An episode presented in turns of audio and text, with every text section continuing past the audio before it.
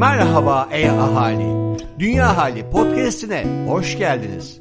Burada sadece iklim krizinden değil, havadan, sudan da konuşuyoruz. Yuvamız, dünyamızdan bahsediyoruz. O zaman e hadi başlıyoruz.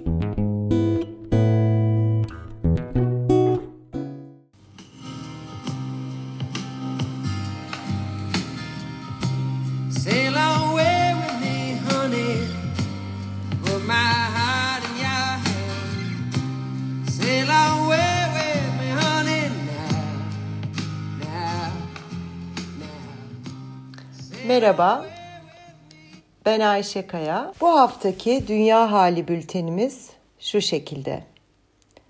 Selam Dünyalı. Kübra Dağtekin. Puslu Kıtalar Atlası bir satırından şöyle sesleniyor bize. Adına Dünya dediğimiz kitabı oku.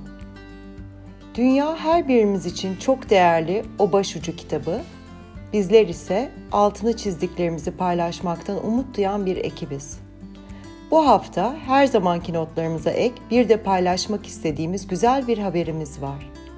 Yuvam Dünya Genel Koordinatörü sevgili Tuğba Ağaçayak aramıza hoş geldi. Evden çalışmaya geri döndüğümüz bu günlerde molalarımızda dinlediğimiz çalma listemize bekliyoruz. Keyifli dinlemeler.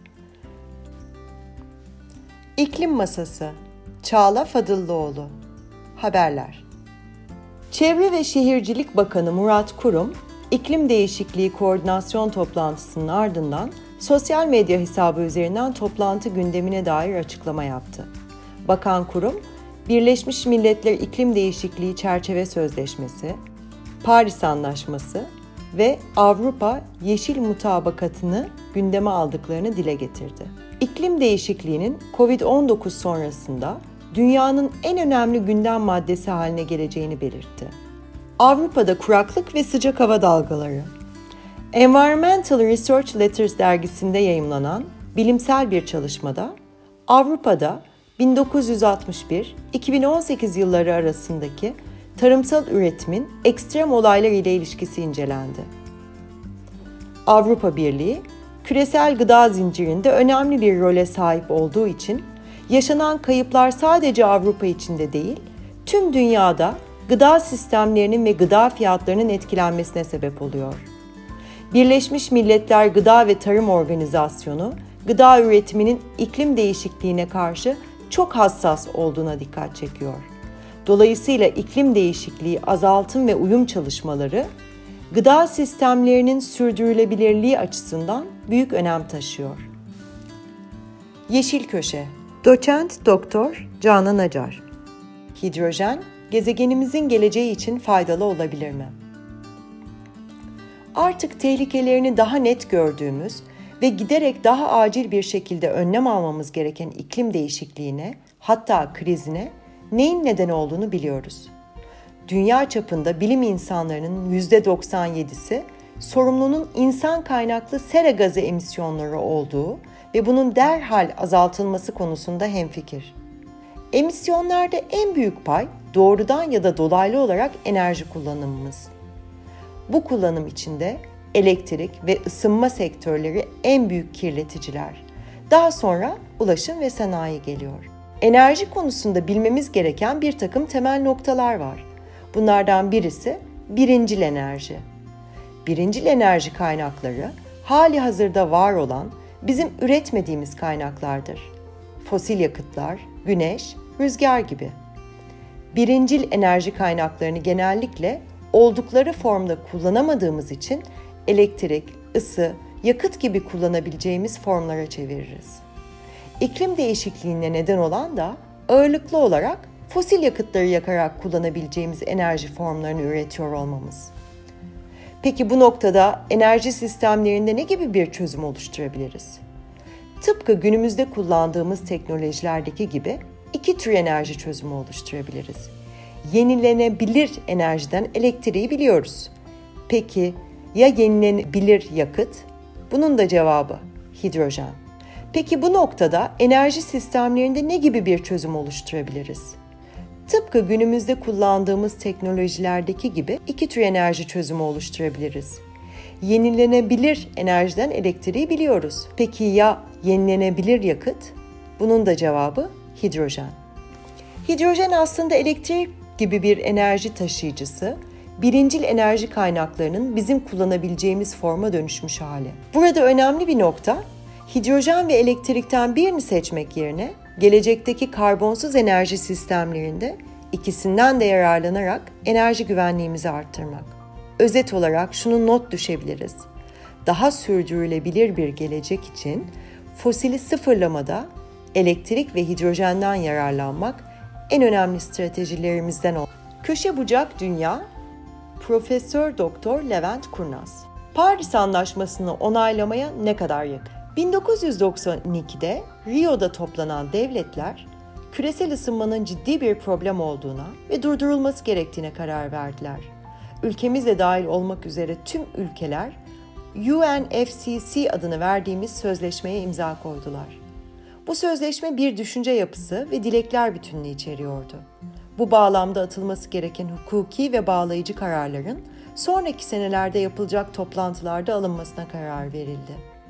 Bu toplantı sırasında ülkemiz diğer ülkelerden gelen uyarılara karşın ısrarla zengin ve gelişmiş ülkeler grubunda yer almak istediği için ek 2 denilen gelişmiş zengin ülkeler grubunda olduğumuz tescil edildi. Gelişmiş ve zengin ülkeler bu anlaşma bağlamında hem sera gazı salımlarını azaltmak hem de gelişmekte ülkelerin sera gazı salımlarını azaltmalarını sağlamak için maddi yardım yapma sorumluluğunu üstlerine aldılar. Heyetimiz ülkeye dönünce atılan bu yanlış adım anlaşıldı ve ondan sonraki yaklaşık 9 sene bu yanlışı düzeltmek için çabalamakla geçti. 2001 yılında Marrakeş'te yapılan toplantıda ülkemizin özel durumu yani gerçekte gelişmiş ve zengin bir ülke olmadığı kabul edildi. Böylece gelişmiş ve zengin ülkelerin olduğu ek 2 listesinden çıktık.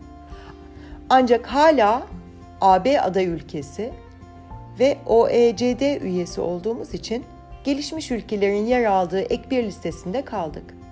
Ek 1 listesinden çıkmak için ise 2019 yılında bir başvuruda bulunduk. Ama bu başvurumuz fazla ciddiye alınmadı. Nitekim 1992'de kendi ısrarıyla gelişmiş ve zengin ülke statüsü kabul edilen bir ülkenin 30 sene içerisinde hem gelişmiş hem de zengin bir ülke olmadığını tüm ülkelere kanıtlaması mümkün değil. Ayrıca bir tek ülke bile hayır dese bu kararı geçirmek mümkün değil. O nedenle şimdilik ve görülebilecek gelecekte ek bir denilen gelişmiş ülkeler listesinde yer almaya devam edeceğiz. Biz ek bir konusuyla uğraşırken geri kalan ülkeler 1997 yılında Kyoto'da yapılan toplantıda sera gazı salımlarını nasıl azaltacaklarına dair bir anlaşmaya vardılar. Ancak bu anlaşmanın iki önemli problemi vardı. İlki, tüm azaltım sorumluluğunu gelişmiş ülkelere bırakıyordu. İkincisi de bu durum söz konusu gelişmiş ülkelerin hiç de hoşlarına gitmiyordu. Bundan dolayı ABD anlaşmayı meclisinde oya bile sunmadı. ABD gibi büyük oyunculardan bir tanesi çekilince 2008-2012 yılları arasında geçerli olacak Kyoto Sözleşmesi de beklenilen etkiyi yapmadı. Kyoto Sözleşmesi'nin yerini alacak olan anlaşmanın temeli ancak 2014 yılında Lima'da atılabildi. Yalnız herkesin kabul edebilmesi için çok yanlış bir yöntem seçildi. Bu yöntemle tüm ülkelere iklim krizini durdurmak için ne yapmaya niyetli oldukları soruldu. 30 Eylül 2015'e kadar ülkeler bu niyet beyanlarını Birleşmiş Milletler'e sundular. 2015 yılının Aralık ayında Paris'te bu anlaşma kabul edildi. Paris Anlaşması'na göre küresel ısınmayı 2 derecenin oldukça altında ve mümkünse 1,5 derecede tutmamız gerekiyordu. Ancak ülkelerin niyet beyanlarının toplamı bu hedefe ulaşabilmekten son derece uzaktı. Gene de ülkemiz ve Güney Sudan, Eritre Yemen gibi bizimle aynı kategoride sayılamayacak birkaç ülke dışında herkes bu anlaşmayı onayladı. Biz 2015'te Birleşmiş Milletler'e sunmuş olduğumuz niyet beyanına uygun davranıyor olmamıza rağmen Yeşil İklim Fonu'ndan destek almakta ısrarcı olduğumuz için bu seneye kadar anlaşmayı imzalamamak için direndik. Bu sene oluşan önemli değişiklik ise Avrupa Yeşil Mutabakatı'ydı. Buna göre ülkemiz eğer Paris Anlaşması şartlarına uyarak sera gazı salımlarına bir sınırlama getirmeyi kabul etmezse Avrupa Birliği'ne yapacağımız ihracata ciddi bir vergi yükü geliyordu. Bunun üzerine bir de ek iki ülkelerinin Yeşil İklim Fonu'na aslında pek de bir bağış yapmamış oldukları anlaşılınca Rüzgar birden Paris Anlaşması'nı mecliste onaylamaktan yana dönmeye başladı. Önümüzdeki birkaç ay ülkemizde bu bağlamda önemli gelişmelere sahne olacak gibi görünüyor. Yuvayı kurtarma sanatı Ebru Özmen Biter İklim değişikliği ve kripto sanat Social Alpha Foundation tarafından düzenlenen The Carbon Drop başlıklı açık arttırmada sanatçılar Refik Anadol, Phoebe Crander, Beeple, Reisengir Andres, Sarah Ludi, Kyle Gordon ve Mieke Marple'ın NFT eserleri alıcı buldu. Refik Anadolu'nun Makine Halüsinasyonları Son Hatıra adlı eseri, Beeple'ın Ocean Front adlı işinin ardından en yüksek fiyatı alıcı bulan ikinci eser oldu. Bu NFT projesiyle eserlerden elde edilen tüm gelir, iklim değişikliği çalışmalarına katkıda bulunma amacıyla Open Earth Foundation'a bağışlandı. Kripto sanatla ilgili eleştirilerden biri yarattığı karbon ayak izi. Bu proje ile blok zinciri teknolojisini şeffaf bir şekilde araştırmak, farkındalık sağlamak hedefleniyor. Blok zinciri ağlarındaki her işlem iklim değişikliğinin nedeni olan sera gazı emisyonları ile bağlantılı önemli miktarda elektrik tüketiyor. Karbon.fyi platformu ile NFT olarak üretilen her eserin yaklaşık kullandığı enerji miktarını görmek mümkün. Bu projede her eser tek bir edisyon olarak üretildi ve her biri tek ve benzersiz olarak sunuldu. Bu şekilde sanatçılar iklim için pozitif etki yaratma yönünde NFT ayak izlerini sınırlandırmış oldular. Yuvam dünyalılar ne yapıyor? Özgül Öztürk Öğreniyoruz. Agriculture Talks Tarım ekonomisinin matematiği Bilgiye artık çok kolay erişebiliyoruz. Peki yeterli mi? Bilgiyi ararken filtremize sadece sorunları duymak yerine çözüm arayışları, iyi örnek uygulamalarını da aldığımızda Agriculture Talks, tarım söyleşileri, gıda tarım sektöründe konunun oyuncularını, paydaşlarını verimli bir etkinlik tasarımıyla bir araya getiriyor, alan açıyor. 29 Nisan'da online ve ücretsiz olacak Tarım Ekonomisinin Matematiği üst başlığı ile gerçekleşecek olan etkinlikte gıda enflasyonu, pandemi gölgesinde tarım finansmanı ve bankacılığı, üretim maliyetinin finansmanı, girdi maliyeti nasıl düşer ve tedarik zincirini nasıl iyileştirebiliriz sorularına cevap aranacak. Dünya Hali, Yuvam Dünya ve Boğaziçi Üniversitesi İklim Değişikliği ve Politikaları Araştırma Merkezi işbirliğinde BMWI'ın desteğiyle yayınlanmaktadır. BMWI sürdürülebilir mobilite için kapsamlı çözümler sunar.